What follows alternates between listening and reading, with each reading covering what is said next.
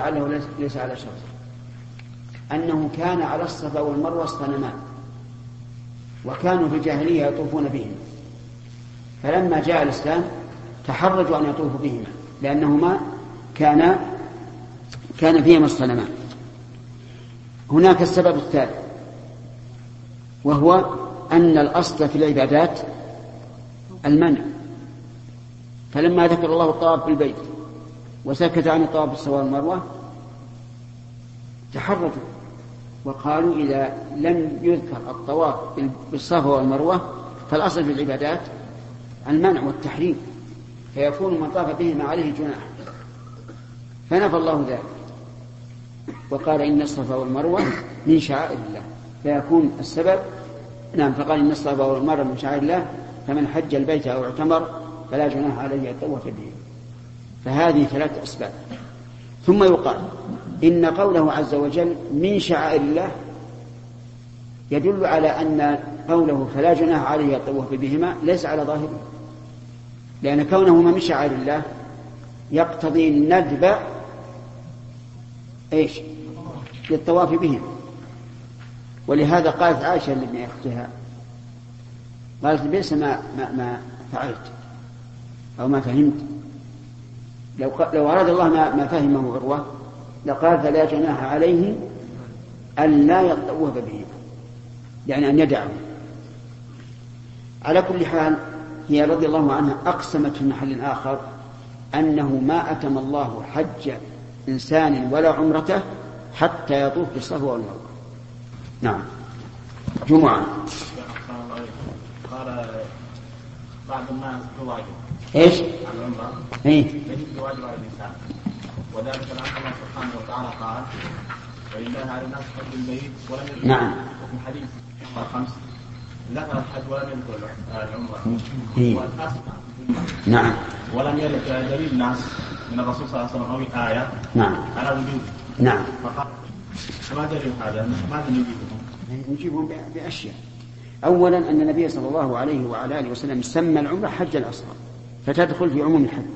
ثانيا أن عائشة رضي الله عنها سألت النبي صلى الله عليه وعلى آله وسلم أعلى النساء جهاد قال عليهن جهاد لا قتال فيه الحج والعمرة. وعلى تفيد الوجوب آه ثالثا أن الله قال فمن حج البيت أو اعتمر فلا جناح عليه يطوف بهما. فجعل حكم الحج والعمرة واحدا في السعي قال إنه سنة فنعم له له وجهة نظر لكن الراجح أنها واجبة.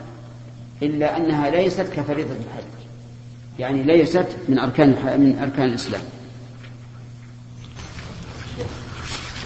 نعم. إيش؟ ما ما الوقت؟ نعم. إذا دخل وقت الحج خلاص ما فيه ما في شيء في مكة. لا طواف قدوم ولا عمرة ولا شيء. ولهذا هؤلاء الذين يأتوني في اليوم الثامن ويتمتعون. ليس لتمتعهم وجه يقول إما أن تقرنوا أو تفردوا. لأن الله قال من تمتع بالعمرة إلى وإلى للغاية فيفيد أن بين العمرة والحج في هذا الحال إيش؟ زمن. له أول وله غاية نعم. إيش؟ من طاف طواف القدوم بعد ذهاب الناس نعم. أرى لا يطوف إذا دخل وقت الحج يخرج المناسك قوله ثم لم تكن عمرة. تكلم عليه من؟ العيني لا حافظ. حافظ طيب. قبل الأبواب. يقول وبذلك احتج عروة في هذا الباب أن النبي صلى الله عليه وسلم بدأ بالطواف ولم يحل من حجه ولا صار عمرة. وكذا أبو بكر وعمر. فمعنى قوله ثم لم تكن عمرة أي لم تكن الفعلة عمرة. هذا إن كان بالنصب على أنه خبر كان ويحتمل أن تكون كان تامة والمعنى ثم لم تحصل عمرة وهي على هذا بالرفع. وقد وقع في رواية مسلم بدل عمرة غيره بغير معجمة وياء ساكنة وآخره هاء. قال عياض هو تصحيف. وقال النووي لها وجه أي لم يكن غير الحج. وكذا وجهه القرطبي. يعني لم تكن عمرة عمرة تمكن لأنهم قد ساقوا الهدي. نعم استمر انتهى طيب. ترى التوقيت على هذه يا جماعة. انتبه هذه أمكم نعم. تغير في المعنى. إيش؟ تغير في المعنى ولا؟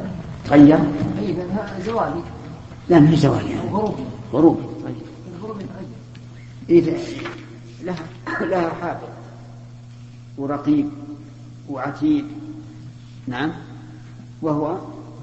نعم الشيخ سامي ولذلك شوف إن تأخرت أو تقدمت لا تطالبوا غيره. الحدس راح. نعم؟ تم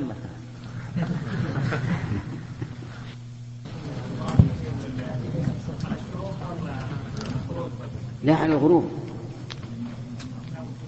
لكن كيف نعرف الغروب؟ عندنا الساعة العصرية هذه. ساعة العصر؟ يعني توقيت أم القرى ساعة العصر فيها ثلاث اصطلاحات. توقيت القرى وتوقيت آه، الرابطة. وتوقيت الرابطة أضبط من أم القرى وفي توقيت ثاني والله ما أدري اسمه. ثالث. بسم الله الرحمن الرحيم. الحمد لله رب العالمين. صلى الله وسلم وبارك على عبده ورسوله نبينا محمد وعلى آله وأصحابه وأتباعه بإحسان إلى يوم الدين. قال الإمام البخاري رحمه الله تعالى في كتاب الحج باب ما جاء في السعي بين الصفا والمروة وقال ابن عمر رضي الله عنهما السعي من دار بني عباد إلى زقاق بني أبي حسين. حدثنا محمد بن عبيد بن ميمون قال حدثنا عيسى بن يونس عن عبيد الله بن عمر عن نافع عن عبد الله بن عمر رضي الله عنهما قال كان رسول الله صلى الله عليه وسلم إذا طاف الطواف الأول خب ثلاثا ومشى. وكان يسعى بطن المسيل إذا طاف بين الصفا والمروة. فقلت لنافع أكان عبد الله يمشي إذا بلغ الركن اليماني؟ قال لا إلا أن يزاحم على الركن فإنه كان لا يدعه حتى يستلمه. قوله رحمه الله باب ما جاء في السعي بين الصفا والمروة. يشمل السعي كله ويخص السعي بين العالمين يعني في بطن الوادي. وكان النبي صلى الله عليه وسلم يسعى شديدا في بطن الوادي حتى إن إزاره لتدور به من شدة السعي. وأما سؤال ابن عمر رضي الله عنهما إذا هل كان يمشي؟ إذا بلغ الركن اليماني يعني بناء على الطواف الذي كان في عمرة القضاء. فيقول لا إنه يرمي إلا إذا زوحم على الحجر لأنه رضي الله عنه متمسك باستلام الحجر. لا بد أن يستلمه. وحينئذ لا يمكن أن يرمل وهو يحاول أن يصل إلى الحجر الأسود. نعم. حدثنا علي بن عبد الله قال حدثنا سفيان. فإن قال قائل هل الأفضل اتباع ابن عمر في هذا؟ بمعنى أن لا نرمل آه، من أجل أن نصل إلى آه، استلام الحجر أو الأفضل أن نرمل فالجواب الثاني هو الأفضل لأن الرمل سنة في كيفية الصفات الطواف فهو أولى بالمراعاة من سنة في نفس الطواف ليست في كيفيته هنا. حدثنا علي بن عبد الله قال حدثنا سفيان عن عمرو بن دينار قال سألنا ابن عمر رضي الله عنه عن رجل طاف بالبيت في عمرة ولم يطف بين الصفا والمروة أيأتي امرأته فقال قدم النبي صلى الله عليه وسلم فطاف بالبيت سبعا وصلى خلف المقام ركعتين فطاف بين الصفا والمروة سبعا لقد كان لكم في رسول الله أسوة حسنة. وسألنا جابر بن عبد الله رضي الله عنهما فقال لا يقربنها حتى يطوف بين الصفا والمروة.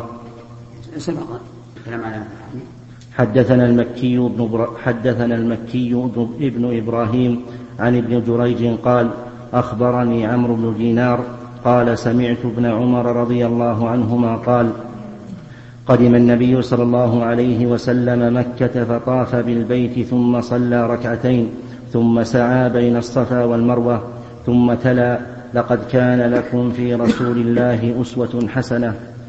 حدثنا أحمد بن محمد قال أخبرنا عبد الله قال أخبرنا عاصم قال قلت لأنس بن مالك رضي الله عنه أكنتم تكرهون السعي بين الصفا والمروة؟ قال نعم لأنها كانت من شعائر الجاهلية. حتى أنزل الله إن الصفا والمروة من شعائر الله فمن حج البيت أو اعتمر فلا جناح عليه أن يطوف بهما. حدثنا علي بن عبد الله قال حدثنا سفيان عن عمرو عن عطاء عن ابن عباس رضي الله عنهما قال إنما سعى رسول الله صلى الله عليه وسلم بالبيت وبين الصفا والمروة ليري المشركين قوته. زاد الحميدي حدثنا سفيان قال حدثنا عمرو أنه قال سمعت عطاء عن ابن عباس مثله. الكلام عن هذا؟ حديث ابن عمر. حديث أنس الأخير شيخ. الحديث الرابع حديث ابن عباس. إنما سعى رسول الله صلى الله عليه وسلم بالبيت وبين الصفا والمروة ليري المشركين قوته والمراد بالسعي هنا شدة المشي. وقد تقدم القول فيه في باب بدء الرمي. نعم بالنسبة للرمى في الطواف مسلم لكن بالنسبة للسعي بين الصفا والمروة في النفس منه شيء. لأن الظاهر أن النبي صلى الله عليه وعلى آله وسلم سعى من أجل أن أم إسماعيل سعت في لكم الوادي. ومن أجل ذلك سعى الناس. نعم يا سليم. قال الصحابة السؤال يقول لكم رسول الله صلى الله عليه وسلم السياسة هذا صحيح لكن السائل محتاج للوارد والمسؤول يعرف اسمه الذي فيه الناس ما الرد عليهم أنهم يعرفون بمعنى أنك لا تحل ولا تحل لك امرأتك حتى تطوف وتسعى. هذا مراد. باب تقضي الحائض المناسك كلها إلا الطواف بالبيت وإذا سعى على غير وضوء بين الصفا والمروة. حدثنا عبد الله بن يوسف قال أخبرنا مالك عن عبد الرحمن بن القاسم عن أبيه عن عائشة رضي الله عنها أنها قالت قدمت مكة وأنا حائض ولم أطف بالبيت ولا بين الصفا والمروة. قالت فشكوت ذلك إلى رسول الله صلى الله عليه وسلم فقال افعلي كما يفعل الحاج غير أن لا تطوفي بالبيت حتى تطهري. هي ذكرت أنها لم تطوف بالبيت ولا بين الصفا والمروة لأن السعي لا يصح إلا بعد طواف وإلا فاشتراط الطهارة له ليس بواجب يعني فالطهارة له غير واجبة للسعي لكن لا يمكن أن تسعى إلا بعد طواف. فلهذا لم تطف بالبيت ولا بين الصفا والمروة. وقال له النبي صلى الله عليه وعلى آله وسلم افعلي ما يفعل الحاج غير أن لا تطوفي بالبيت حتى تطهري وإذا قال غير أن لا تطوفي بالبيت يعني ولا بين الصفا والمروة كما ورد ذلك صريحا في موطأ مالك رحمه الله. نعم. هذا شيخ العيني. نعم. وقول ابن عباس ليري المشركين قوته فيه حصر السبب. فيما ذكره على ما هو المشهور في إنما من إفادة الحصر. وقد جاء عن ابن عباس سبب آخر وهو سعي أبينا إبراهيم عليه السلام فيجوز أن يكون هو المقتضي لمشروعية الإسراء على ما رواه أحمد في مسنده من حديث ابن عباس. قوله قال إن إبراهيم عليه الصلاة والسلام لما أمر بالمناسك عرض له الشيطان عند السعي فسبقه فسابقه إبراهيم عليه السلام.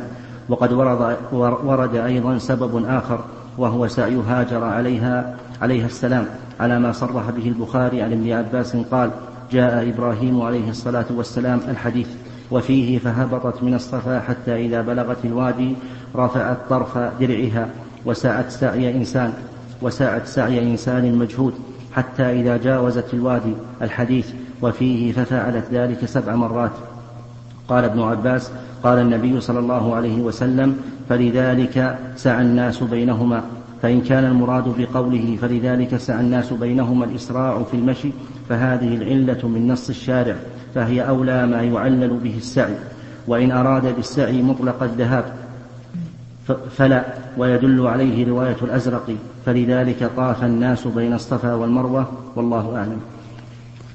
الصواب فلذلك سعى الناس يشمل السعي بين الصفا والمروة عموما وكذلك السعي في الوادي الذي هو الركض الشديد نعم. حدثنا محمد بن المثنى قال حدثنا عبد الوهاب قال وقال لي خليفة حدثنا عبد الوهاب قال حدثنا حبيب المعلم عن عطاء عن جابر بن عبد الله رضي الله عنهما قال أهل النبي صلى الله عليه وسلم هو وأصحابه بالحج وليس مع أحد منهم هدي غير النبي صلى الله عليه وسلم وطلحة وقدم علي من اليمن ومعه هدي فقال أهللت بما أهل به النبي صلى الله عليه وسلم.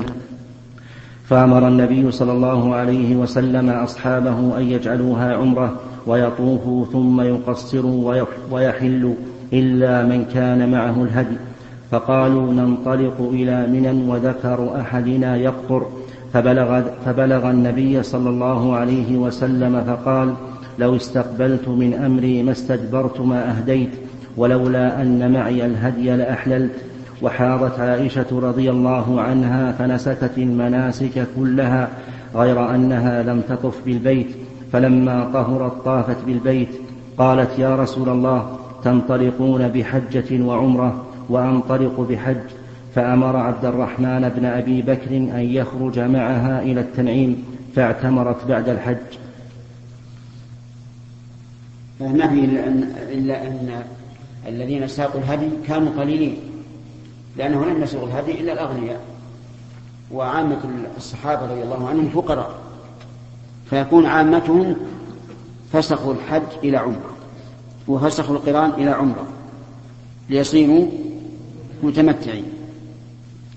فإن قلت هل يجوز أن يفسخ الإنسان الحج إلى العمرة ليتحلل منها وينصرف إلى أهله فالجواب لا لأنه إنما أمر بفسخ الحج إلى عمرة ليصير متمتعا والتمتع أفضل ولم ولم يرخص له أن يفسخ الحج إلى عمرة ليتحلل عن عن قرب ويرجع إلى أهله.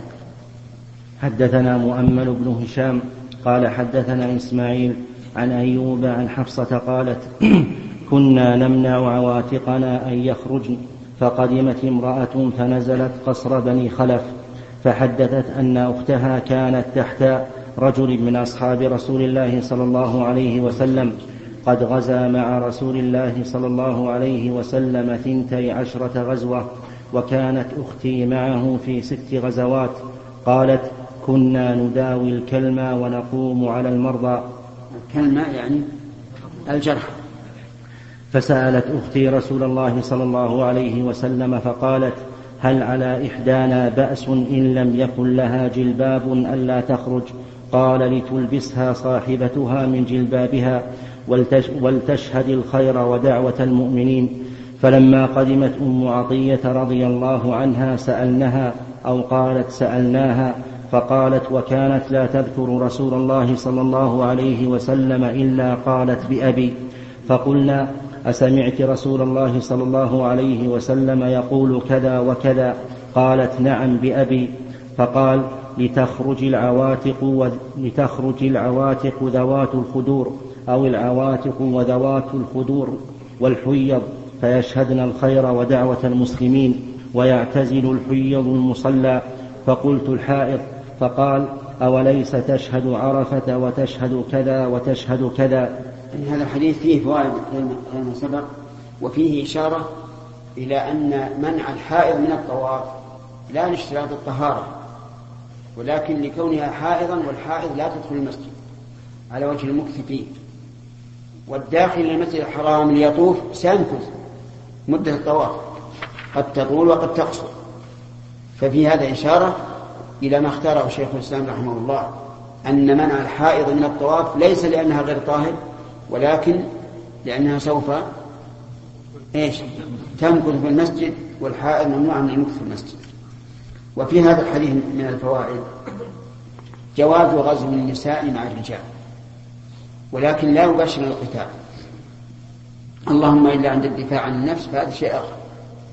وإلا فلا يباشرن القتال ابتداء لقلة صبر المرأة ولاستعلاء الرجل عليها فإذا استعلى عليها رجل من العدو ثم قتلها صار في هذا كسر لقلوب المجاهدين.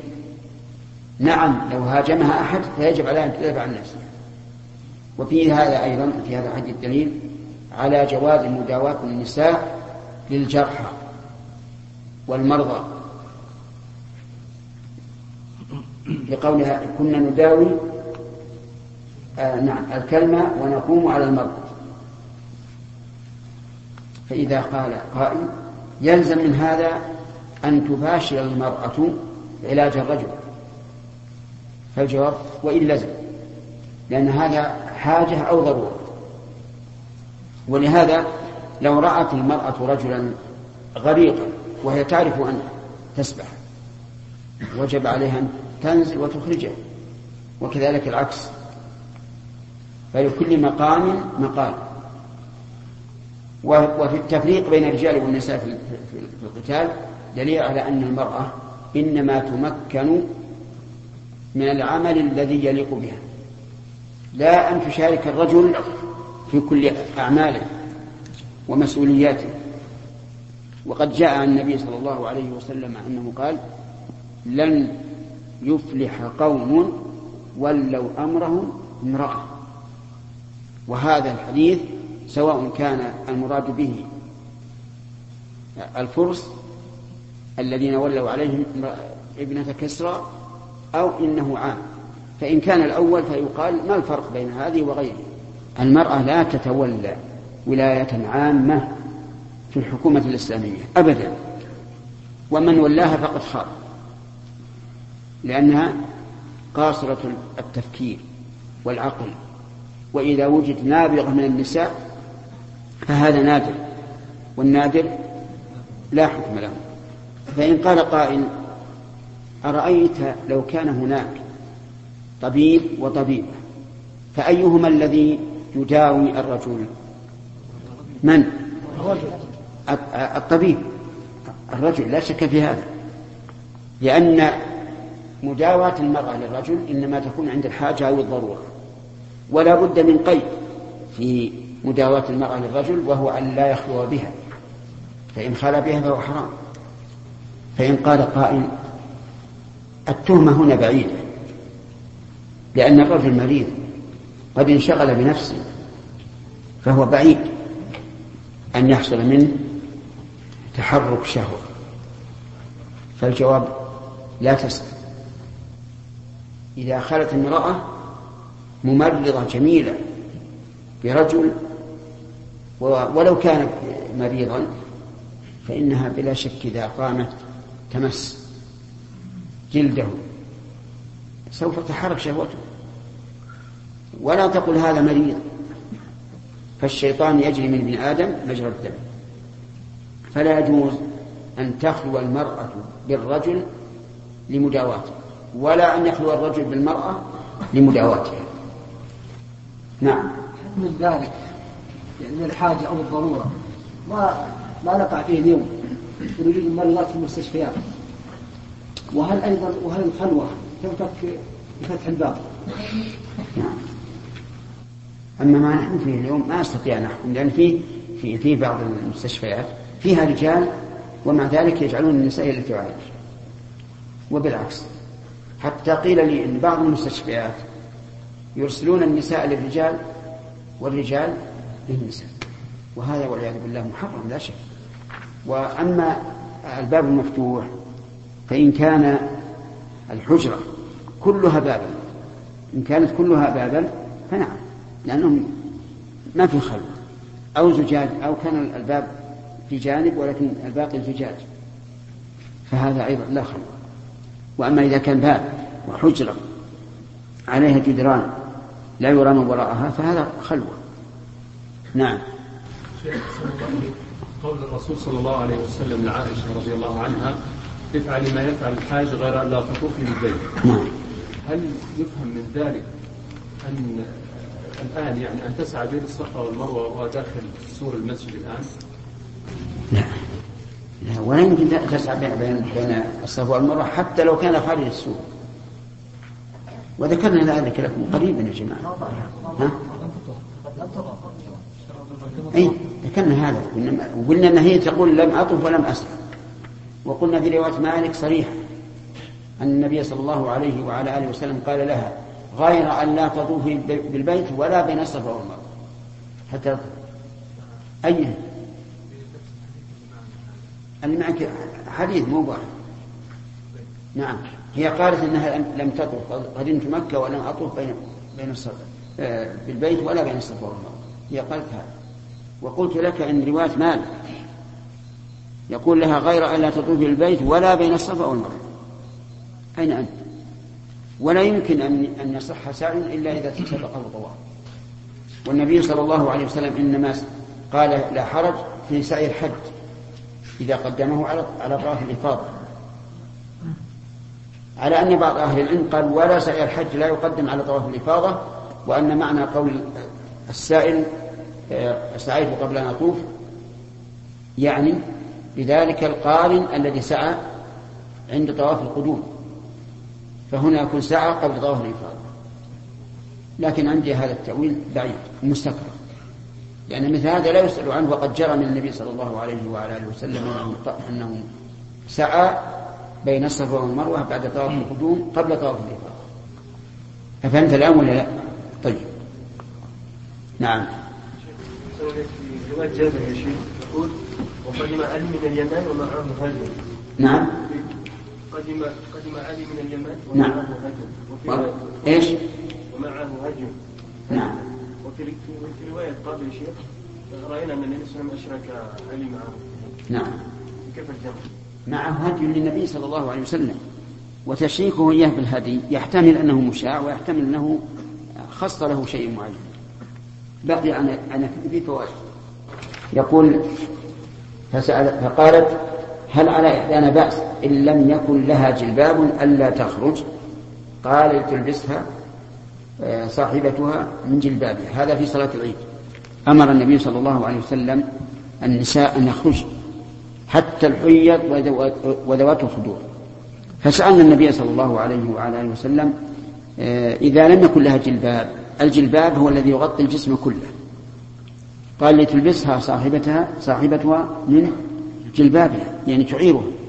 وهذا يدل على أن المرأة لا تخرج بلا جلباب.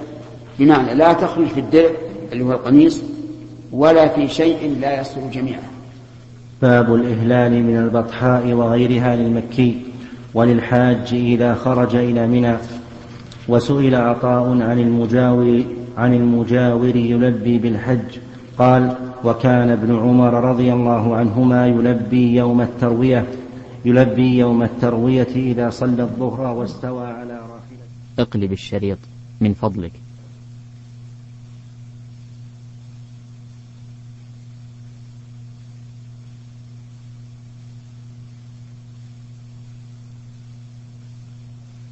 أيها الإخوة هذا هو الشريط التاسع من التعليق على كتاب الحج من صحيح البخاري رحمة الله عليه.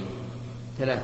حدثنا قتيبة قال حدثنا الليث عن نافع أن ابن عمر رضي الله عنهما أراد الحج عام نزل الحجاج بابن الزبير فقيل له إن الناس كائن بينهم قتال وإنا نخاف أن يصدوك فقال لقد كان لكم في رسول الله أسوة حسنة إذا أصنع كما صنع رسول الله صلى الله عليه وسلم.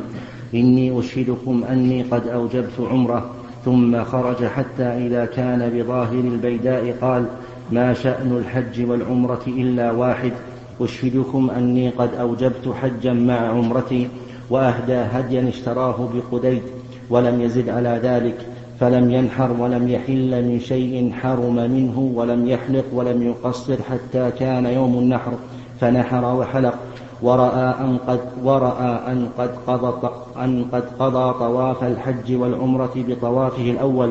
وقال ابن عمر ابن عمر رضي الله عنهما كذلك فعل رسول الله صلى الله عليه وسلم. في هذا دليل على أن الإنسان لا بأس أن يستعمل الألفاظ المؤكدة لأنهم لما قالوا له هذا أعلن إعلانا وأشهدهم أنه أوجب عمرة. حتى لا يبقى لأحد كلام أو مشورة وفيه أيضا دليل على جواز إدخال الحج على العمرة بدون ضرورة لأن إدخال الحج على العمرة للضرورة جائز في قصة من؟ في قصة عائشة. لكن بدون ضرورة هذا قد يقول قائل لا يجوز ولكن العلماء أجمعوا على جواز ذلك. اللهم إلا من قال بوجوب التمتع. والصواب أن هذا أن هذا جائز. يعني أن أن يدخل الحج على العمرة قبل أن يشرع في الطواف ويكون قارنا. وفيه دليل على أن القارن يكفيه سعي واحد بين الصفا والمروة. ويكفيه أيضا طواف واحد. لكن الطواف اللي قبل السعي طواف قدوم سنة. طيب لو أن القارن سعى قبل أن يخرج إلى عرفة بدون أن يطوف طواف القدوم فلا يجوز لأن السعي لابد أن يسبقه طواف نسك كطواف القدوم أو طواف الإفاضة. نعم. باب الطواف على وضوء.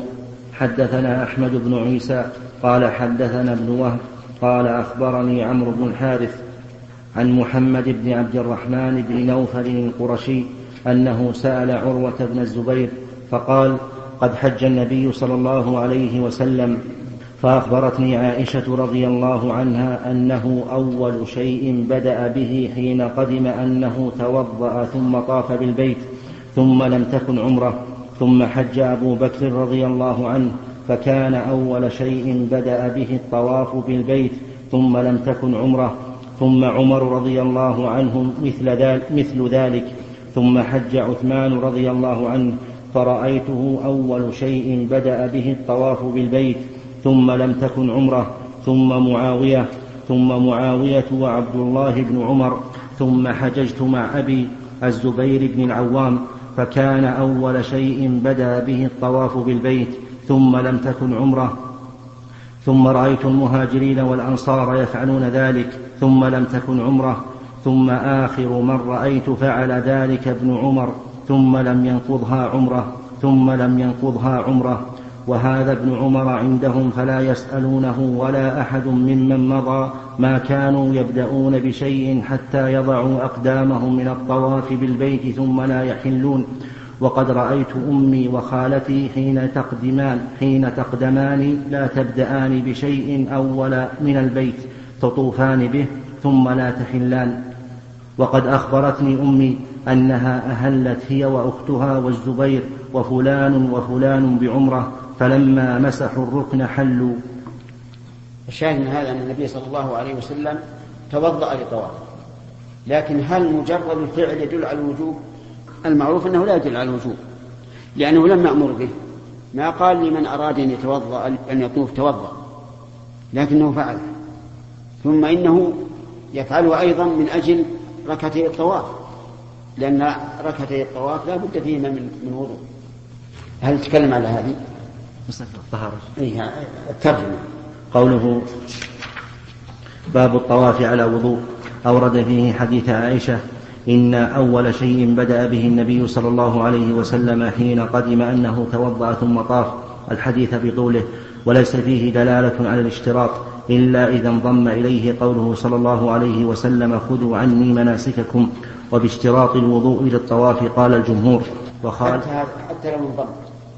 قوله خذوا عني مناسككم لأن هذا ليس على إطلاق بالاتفاق. وإلا لقلنا كل شيء فعله الرسول في الحج يكون واجبا ولا قائل به. فهذا الظن لا يفيد. نعم. وباشتراط الوضوء للطواف قال الجمهور وخالف فيه بعض الكوفيين ومن الحجة عليهم قوله صلى الله عليه وسلم. أصحاب أبي حنيفة. ومن الحجة عليهم قوله صلى الله عليه وسلم لعائشة لما حاضت غير أن لا البيت حتى تطهري وسيأتي بيان الدلالة منه بعد بابين لكن هذا ليس حجة. لأن قال حتى تطهري وطهارتها انقطاع حيضها. بدليل قول الله تعالى فلا تقربوهن حتى يطهرن يعني ينقطع الحيض فإذا تطهرن أي اغتسلن فليس فيه دليل. والحائض فرق بينه وبين الطاهر. الحائض لا تمكث في المسجد نعم تعبره لا بأس. أما تمكث فلا. وهذا وجه نهي النبي صلى الله عليه وعلى آله وسلم. عائشة أن تطوع عن عن الطواف بالبيت وكذلك قوله في صفية لما قيل إنها حائض قال أحابستنا هي. يعني لا يمكن لا يمكن لا يمكن أن تطوف بعد بابين ذكر هذا تكملة كمل. قال ثم ورد المصنف في الباب ثلاثة أحاديث الأول منها حديث عائشة وفيه افعلي ما يفعل الحاج غير أن لا تطوفي بالبيت حتى تطهري وهو بفتح التاء, التاء والطاء المهملة المشددة وتشديد الهاء أيضا أو هو على حذف إحدى التائين وأصله تتطهري ويؤيده قوله في رواية مسلم حتى تغتسلي والحديث ظاهر في نهي الحائض عن الطواف حتى ينقطع دمها وتغتسل لأن النهي في العبادات يقتضي الفساد وذلك يقتضي بطلان الطواف لو فعلت. وفي معنى الحائض الجنوب وفي معنى الحائض الجنب والمحدث وهو قول الجمهور وذهب جمع من الكوفيين إلى عدم الاشتراط. قال ابن أبي شيبة حدثنا غندر قال حدثنا شعبة سألت الحكم وحمادا ومنصورا وسليمان عن الرجل يطوف بالبيت على غير طهارة فلم يروا به بأسا وروي عن عطاء إذا طافت المرأة ثلاثة أطواف فصاعدا ثم حاضت أجزأ عنها. وفي هذا تعقب على النووي حيث قال في شرح المهذب انفرد أبو حنيفة بأن الطهارة ليست بشرط في الطواف. واختلف أصحابه في وجوبها وجبرانه بالدم إن فعله انتهى ولم ينفردوا بذلك كما ترى فلعله أراد انفرادهم عن الأئمة الثلاثة لكن عن عن أحمد رواية أن الطهارة للطواف واجبة تجبر بالدم وعند المالكية وعند المالكية قول يوافق هذا. انتهى. غريب إنه ما, ذكر قول شيخ الإسلام. مع أن شيخ الإسلام رحمه الله نصره نصر عظيم وذكر له أدلة وشواهد. أعني عدم وجوب الوضوء للطواف. نعم. بارك الله فيك هل يقال أن النبي صلى الله عليه وسلم منع عائشة منع منع عائشة من الطواف وهي حائض من أجل ركعتي الطواف لأنه يلزمها إذا طافت أن تصلي ركعتين لا ما هي ما هو بلازم الطواف صلاة ركعتين ليست ليست لازمة يعني تسقط عنها إذا إيه؟ لكن لا لا نرى جواز طواف الحائض. لكن إذا طافت وهي طاهر لكن على غير وضوء. أو طاف الرجل على غير وضوء. هذا هذا محل الخلاف. إيش؟ عمرة الفرض. نعم. واجبة على الفرض نعم. فمن حج في سنة في آه، حجة حجة الفريضة. فهل يجب عليه التمتع أو القرآن؟ أو له أن يفطر؟ الظاهر أنه يجب إما التمتع أو القران الفورية. شوف عندي يقول لم تكن عمرة. أنا مراده أنهم لم يتمتعوا؟ يقول وقد تقدم الكلام على فوائد هذا الحديث في باب من طاف إذا قدم. لا قالوا الشرح الشرح ثم لم تكن عمرة فهو الحديث. ما ذكر شيء. الظاهر المراد لم تكن عمرة يعني أنهم قرنوا لأن معهم الهدي نعم نعم يا سليم والله بالنسبة لكلام عائشه ما خاص فيها ان الرسول صلى الله عليه وسلم أمر النساء في صلاه العيد وهنا وهنا حرم ما الحرم ان يجتنبن المسجد شيء. نعم. هذا دليل على ان على أن المراه الحائض ما ما ما صحيح. يعني اشكال. هذه اشكال على انه يشكل على ان على الطلاب. إيه. نعم. في سؤال. إيه. ان الصحابه رضي الله عنهم منهم من اخذ.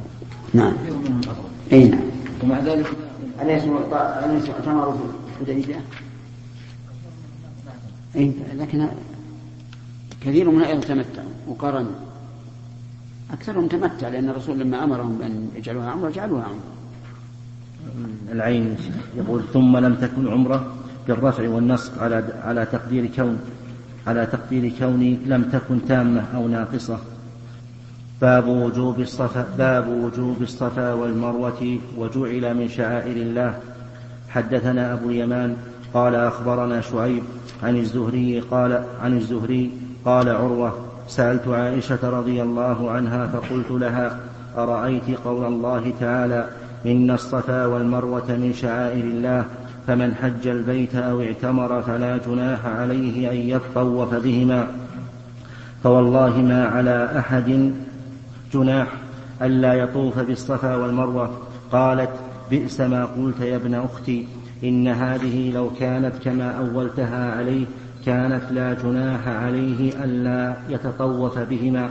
ولكنها أنزلت في الأنصار. كانوا قبل أن يسلموا يهلون بمناة الطاغية التي كانوا يعبدونها عند المشلل فكان من أهل يتحرج أن يطوف بالصفا والمروة.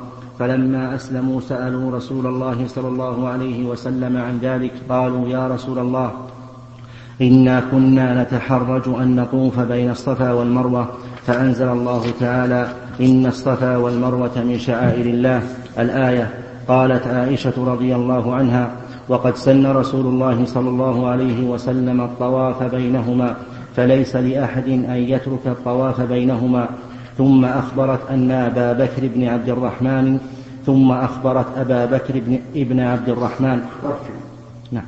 ثم أخبرت أبا بكر بن عبد الرحمن فقال إن هذا لعلم ما كنت سمعته ولقد سمعت رجالا من أهل العلم يذكرون أن الناس إلا من ذكر إلا من ذكرت عائشة ممن كان يهل بمناه كانوا يطوفون كلهم بالصفا والمروة.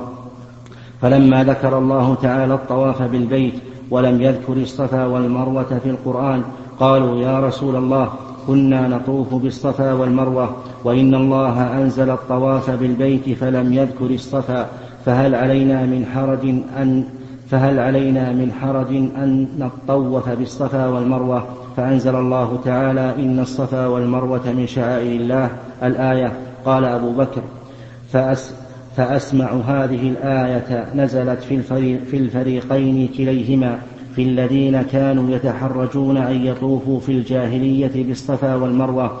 والذين يطوفون ثم تحرجوا أن يطوفوا بهما في الإسلام من أجل أن الله تعالى أمر بالطواف بالبيت ولم يذكر الصفا حتى ذكر حتى ذكر ذلك بعدما ذكر الطواف بالبيت.